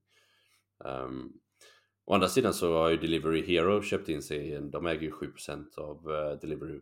Fast faktiskt innan vi gick in här i studion och började snacka så, uh, så annonserade Delivery Hero att man skulle sälja sin stake i uh, Deliveroo. Och um, ja, man realiserar en förlust på mer än 50% om man siktar på, siktar på att sälja för 85 miljoner pund ungefär. Okay. de har väl en konvertibel som ska betalas hyfsat snart så de kanske behöver pengar. Uh, och sen har de också en, uh, de har, uh, de har också ganska, de har konvertibler men sen har de också Glovo, uh, det här spanska bolaget som Delivery Hero köpte um, för inte så länge sedan man eh, har köpt in sig där som ökade exponeringen även mot Latinamerika och även eh, eh, Latinamerika och även Spanien. Uh, när gick uh, Deliveroo till börsen då? Alltså det hände sedan uh, 2020 och man reste, man reste 1,3 miljarder pund och man hade faktiskt, ja, man gjorde förluster på 200-300 miljoner pund per år då. Men nu har man faktiskt lyckats nå break-even ungefär och man, men man har faktiskt handlat som en net-net ungefär um, under tid. Men um, vi får se vad som händer nu. Det känns som att bolaget, uh, Amazon är storägare så de kommer ju kunna blocka vad som än händer. Men det, det känns som att det kommer behöva komma till uh, konsolidering i sektorn. Det låter ju som det. Och det låter som att det finns några spelare som eh, en kombination av kan bli rätt intressanta. Å andra sidan så låter det som att det finns en del jurisdiktioner där det kan vara mer eller mindre omöjligt att slå upp något och det kanske krävs lite mer kreativa grepp. Typ att uh, Just Eat Takeaway gör sig om med uh, Grubhub och då kanske de kan vara en del av konsolideringen tillsammans med DoorDash, vem vet. Men och just Grubhub-steken har ju varit uh, vad var det man betalade för det? Var det 6 eller 7 miljarder dollar? Jag kommer inte ihåg vad vi sa. Men, 7 miljarder dollar. Och där har väl det varit diskussioner om att man skulle vara villig att sälja den för en miljard dollar. Eller man har rekommenderats att sälja den för en miljard dollar. Så det, det är väl en fråga om hur, vem som är villig att rycka plåstret. Nu verkar ju Delivery Hero vara villiga att rycka plåstret i Delivery i alla fall. Men det brukar bli mm. inga på vattnet-effekter på sånt där. Ja. Nej men eh, jag menar börsvärdet på Just Eat är väl 3,5 miljarder dollar idag. Kan man få, bort, få in en, en till 2 miljarder dollar på att man på att man säljer Grubhub i USA så kan man köpa tillbaks ja, 30% av börsvärdet. Grejen var ju att Just Eat handlades ju till ett 30 miljarder eh, dollar, eller dollar börsvärde. Så man var ju 10 gånger större börsvärde än vad man är idag. Alltså det här har ju varit en dumpster fire av eh, kapital som har eldats upp i den här sektorn. Um, det har ju varit, eh, alltså industrin, om vi tittar på hur industrin har utvecklats över tid så, så började det ju med att man ersatte telefonorders, att folk ringde sin take-out-restaurang och fick det skickat till sig. Att mm, det flyttades online och det växte ganska snabbt. Ehm, men sen kom logistik, eh, logistics-delen och det gjorde att eh, det blev väldigt tufft för dem som försökte ha en lönsam modell i sektorn. För man lyckades inte försvara marknadsandelar. Och då är man ju rädd också att folk ska starta med logistics, bygga upp ett starkt nätverk och sen gå på marketplace. Men du kan inte skapa marketplace från scratch där du går runt och knackar på varje restaurang. För de kommer bara, okej okay, men varför ska vi vara på dig? Vi är redan med de här och de har alla kunderna. Mm. Um, men om du redan har kunder genom logistics så är det klart att då kan du bygga din eh, repertoar eller din, eh, ditt, ditt, utbud av restauranger i, i närområdet. Det tar ju extremt mycket tid och du måste vara runt och liksom dunka eller liksom dunka väska och knacka på restauranger. Men det är, det, det är ju en, det är en extremt lång, tar ju lång tid men eh, det kanske blir lösningen att logistikrestaurangerna, eller att de som kör logistics idag tvingas in och köra mer marketplace för att det är faktiskt där pengarna tjänas. Japp, och så har man väl sett liksom en tekniktrend som har följt den här sektorn med. Där man har gått från när Jitsi startade var liksom en knackig desktop och motsvarigheten till Spray såg ut till smartphones till numera liksom fullt Eh, integrerade appar med ändå bra tracking och bra visibilitet på delivery times när du får det eh, tämligen, det tycker jag i alla fall, kundupplevelsen är rätt bra med de här. Är det minsta problem med orden så är det bara eh, klaga och så får du oftast maten gratis. Alltså det... det är min bild i alla fall. Alltså jag säger det.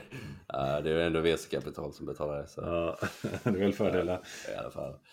Nej men det är ju en bättre upplevelse. Du, du har ju mycket bättre utbud av, rest, av olika kedjor och grejer som folk faktiskt känner igen. Istället för att bara ha liksom eh, kebaben på hörnet. Eh, och då, då blir det ju att om folk får det samtidigt som man också kan ha koll på sin order och allting sker liksom konsoliderat och du, eh, ja, du ofta inte betalar ett högre pris för att eh, för att eh, ja, din, din order är subventionerad. Det är klart att då, då, väljer folk det. Men om folk ska, faktiskt ska betala det vad det priset vad det kostar så, eh, mm, så kan det nog bli tufft. Ehm, men om vi tittar på skillnaden mellan USA idag och även, eh, och även Europa då, så är det är stor skillnad i börsvärdena på bolagen. Ehm, då DoorDash värderas till 40 miljarder dollar, Uber 135. Då har du ju två bolag där i och för sig med, med rides också, men Deliveroo 2 miljarder, ehm, Just Eat 4 miljarder och Delivery Hero är 7,5. Jag menar det är, det är inte så mycket kvar av, de här. Och Nej. jag menar, Delivery Hero är på 22 kronor eller 22 euro aktien, den var väl uppe i 140 som max. Uh, Just Eat var väl en bra bit över, uh, runt 100 också. Uh, den är nere i 15 nu. Um, ja, Deliveroo är väl också ner betydligt mer än 50% sen IPO. Um, så, så det har inte varit en bra sektor att investera i alls. Nej det verkar ju vara lite uh, en industri med starka viljor också. Så jag tänker, för när du drar de siffrorna så tänker man ju logiskt att då borde ju DoorDash eller Uber kunna gå in och plocka åtminstone selektiva marknader från Deliveroo eller Just Eat eller Delivery Hero. Men har jag förstått det rätt så eh, hatar alla vdarna i den här branschen varandra. Så att det kanske finns en del personer prestige som blockar underdealsen och de flesta av dem är storägare med. Ja, garanterat. Jag menar alla hatar ju varandra. Så är det eh, Det finns väl vissa som kanske gillar eller hatar varandra lite mindre men eh, överlag så är det ju ingen... Ja, det finns ganska mycket rivalitet eh, tror jag. Um, om, om vi kommer tillbaka till industrin här så Alltså tillväxten var ju plus 100% under covid. Nu har det kommit ner, det är väl runt noll eller strax positivt. Men även om konsumenterna har det tufft så ser vi ju att bolagen börjar röra sig mot eh, fritt kassaflöde. Eh, så Just Eat Takeaway, de, de är ju positiva på fritt kassaflöde nu. Ehm, DoorDash är väl, ja, inte riktigt. De har gjort en halv miljard dollar i förlust senaste nio månaderna. Men de, de har ju 60% marknadsandel. Och det är också en fråga man får ställa sig. Om du inte, har 60, om du inte är lönsam när du har 60% marknadsandel, när ska du bli lönsam då? Troligen aldrig, eller när kunderna börjar betala vad det kostar. Ja exakt, men vad händer då? Då blir det att konkurrensen kommer ta in. Och då, då mm. hamnar man ju där igen. Så du kommer ju aldrig vara tillåten att driva en långsiktigt lönsam modell. För då kommer ju Uber Eats komma och säga ja ah, men nu kan vi ju tjäna lite pengar här och vi har den rights mm. subventionerar allting. Och då kommer det ju fortsätta. Um, och det görs ju lätt, det är ju bara att ge ut mer, uh, mer rabattkoder. Om du ger ut rabattkoder så om du ger bort halv maten för halva priset det kostar. Jag menar det är inte svårt att sälja gratis mat liksom. Det är ganska, ganska enkelt. Och sen har vi ju, vi har ju den, den europeiska modellen har ju också två, eh, det är ju två stora nackdelar. Först och främst var vi inne på dricks, men det andra är ju arbetslagstiftningen här i, eh, i, i Europa. Du tving, eller det beror på hur man ser det, men i, i USA så är man ju tillåten och även i Storbritannien så är det ju tillåten att inte anställa dina förare. Så du kan ju, eh, du kan liksom ha en aktion på appen som föraren använder där de accepterar eller nekar. Och då skickar du ut först ett jobb. Och så, om ingen säger ja, ja, då skickar du ut jobbet igen och så lägger du på lite mer pengar. Så du har ju algoritmer som hela tiden känner av. Så det är som en effektiv marknad hela tiden. Ehm, men om du ska anställa föraren, då måste du också betala den tiden som inte föraren faktiskt levererar någonting. Så du måste betala de 15 euro i timmen, eh, minimilön. Ja, då kommer du helt plötsligt att eh, då kommer du sitta med den här personens lön oavsett om du levererar eller inte. Och det kommer göra det mycket svårare att flexa upp och ner eh, arbe arbets... Och det gör mycket, modellen mycket, mycket mer komplex. Um, och alla har ju kört med en frilansmodell. Um, men det där kommer nog förändra sig för EU har ju sagt nu, de sa i december förra året att vi kommer inte tillåta det här längre. Så i USA och UK kommer fortsätta men eh, då eh, nu verkar det som att det kommer bli även retroaktiva böter för de som är i Europa. Och det är väl framförallt eh, ja, Delivery Hero med eh, Glovo som de köpte under 2021. Ehm, som, som verkar som att de har hundratals miljoner euro i potentiella böter ehm, som de kommer att behöva betala. Ja, då förstår man att de vill sälja Deliveroo. Ja, exakt. Så vi får väl, eh, vi får väl se vad det, vad det tar vägen. Eh, men eh, det är väl, de bränner nog ett par hundra miljoner euro också i, eh, i Spanien. Så vi får, vi får se vad det tar vägen. Just Eat har väl varit mer, eller i alla fall marknadsföringsmässigt positionerat sig som att de har varit mer compliant vad det gäller. Men jag kan tänka mig att det är en del jurisdiktioner har de sina problem också. Ja, så är det. De, de verkar ha de har inte fått några böter eller liknande utan det är enbart Delivery och uh, Delivery Hero och även Uber Eats som har fått. Jag menar Uber Eats betalar inte, eller Uber betalar inte ens uh, moms i Storbritannien. De fick ju en miljard pund i backdated fines för att man inte hade betalat uh, moms. Så de här plattformarna spelar inte riktigt på samma villkor som alla andra. Vad, ser du några uppenbara konsolideringskandidater i liksom, nuvarande skick eller behövs det splittas upp på något sätt? Det var ju intressant. Delivery Hero försökte väl ge sig på eh, att köpa eh, Deliveroo, ehm, den brittiska delen. Ehm, jag tror att det var mycket för att man hade en kassa på balansräkningen eh, som man skulle kunna kommit över. Om man betalade med cash, med, med aktier, tog över kassan Eh, så hade man fått en miljard pund som man hade kunnat använda till att, eh, till att driva bolaget vidare. För Delivery Hero är inte lönsamt idag och man har ganska stora skulder. Så jag tror man har 7 miljarder euro ungefär i skuld och eh, börsvärdet är ungefär 7,5 miljard. Så man sitter i en ganska tuff situation. Så vi får se vad det, vad det, vad det tar vägen. Annars så tror jag att DoorDash köpa av Just Eat Takeaway hade varit det, är klar, mm, det absolut mest eh, ja, logiska steget. Eh, DoorDash betalade ju 8 miljarder för 8 miljoner dollar för Volt. Eh, Volt hade ju inga starka positioner någonstans.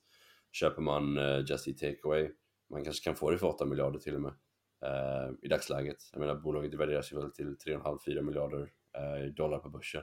Så du, eh, du kan köpa ett monopol i Tyskland, monopol i Nederländerna, Ehm, stark position i UK uh, eh, tillsammans med många andra, alltså Polen till exempel är man marknadsledare också.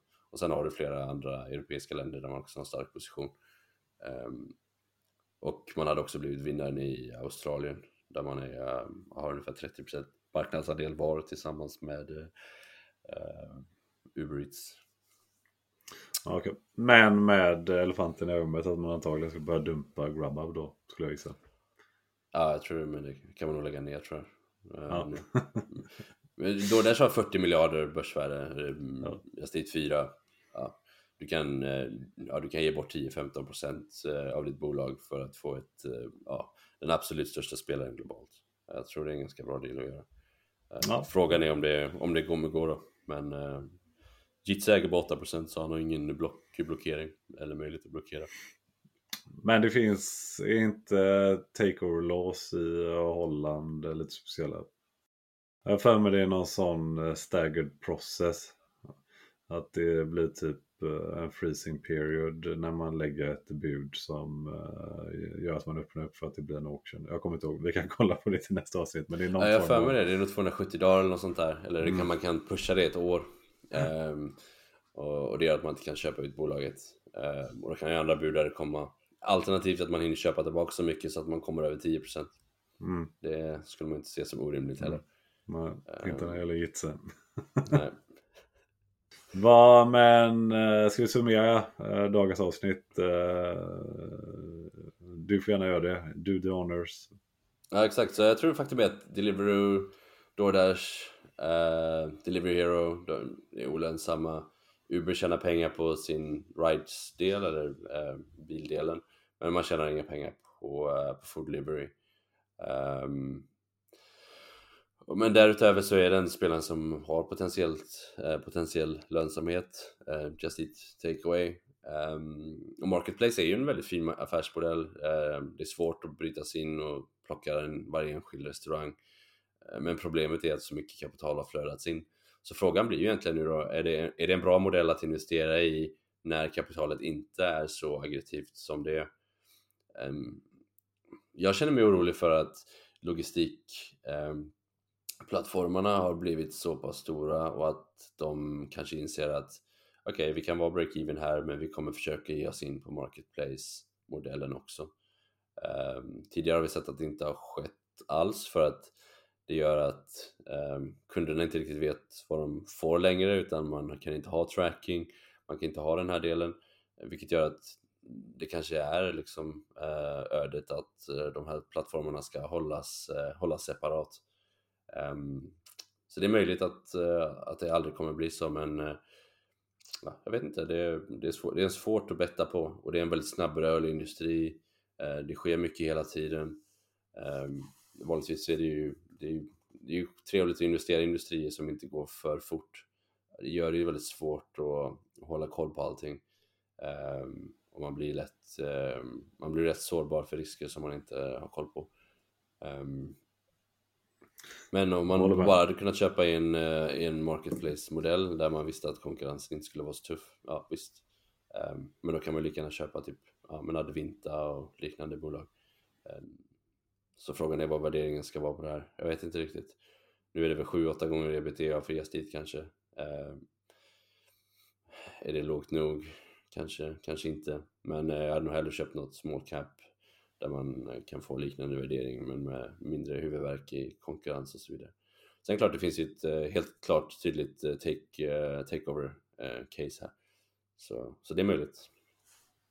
Absolut. Nej, jag håller med. Och jag tycker det är utmaningen. Kolla på typ Just Eat Standalone så är det ju lätt att köpa in i det caset standalone. Men sen är ju nackdelen att de verkar på en irrationell marknad och man har ju fått en del eh, skit som investerar man har legat lång de, de senaste 5-7 åren. Så eh, undvik gärna irrationella branscher. Det finns lättare ställen att tjäna pengar på. Sen är frågan om Just Eat eh, Takeaway kommer få en monopolsituation nu i, eh, i Europa på grund av att eh, arbetsregleringen ändras. Och att ja, de andra som inte har Marketplace i Europa, de måste anställa sina förare. Då kommer deras priser gå upp 20-30% eh, för att man måste betala för tiden som de inte levererar det kommer göra deras produkt mycket sämre för att du kommer inte kunna ha lika många förare ute som sitter och väntar på att få orders utan du kommer ha ett visst antal och när om det blir för mycket beställningar, att det regnar eller liknande, ja, då kommer ingen få sin mat och så kommer det bli en mycket mer komplex modell.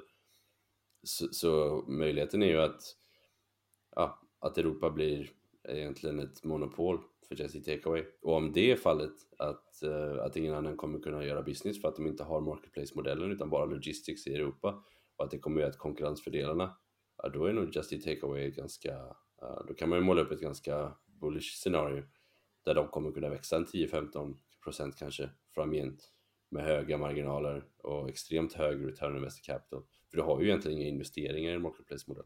Utan det är ju enbart till logistics då. Om du ska, om du ska äga den inhouse så är det väldigt kapitaltungt. Men, men om, du ska, om du ska ha det på uh, Marketplace så är det en, uh, ja, en väldigt bra modell.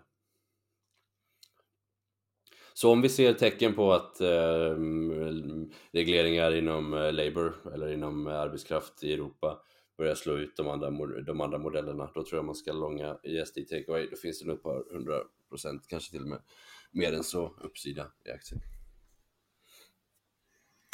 Det låter som en bra slutkläm. Alright, har du några innehav eller äger du någonting som vi har, eh, som vi har snackat om idag? Eh, vi snackade om ja. borr i början, så det äger vi båda två. Ja, det äger jag. Uh, äger inte något av det andra vi snackade om i början. Jag har en liten skvätt i Just Eat Takeaway dessvärre. Jag har inte kunnat sälja den än. Men den, den ligger kvar i en av portföljerna så jag inte kollar så ofta. Alltså, köpte du den där? Uh, vad fan kan det ha varit? Ja, men det var nog... Uh, den är nog ner 75% i alla fall. Men jag tror jag har parkerat den på barnens konto så det är inte min huvudvärk. ja, det är bra. Ta stopp för bara. All right. Ja men kanon. Uh, ingenting uh, som vi har sagt idag ska ses som rådgivning eller rekommendation och uh, gör egen analys innan du tar något investeringsbeslut. Så får ni ha det så bra till nästa, till nästa gång. Och nästa vecka kommer vi nog släppa en dag senare tror jag. Och det beror på att det kommer vara på ICE på tisdag. Så får, får se hur det blir. Och då tänkte vi direkt rapportera lite, eller inte direkt rapportera men vi tänkte rapportera vad vi hittade där. Det låter bra. Då tackar vi för idag och så ses vi nästa vecka. Ha det gott! Ja, ha det gott.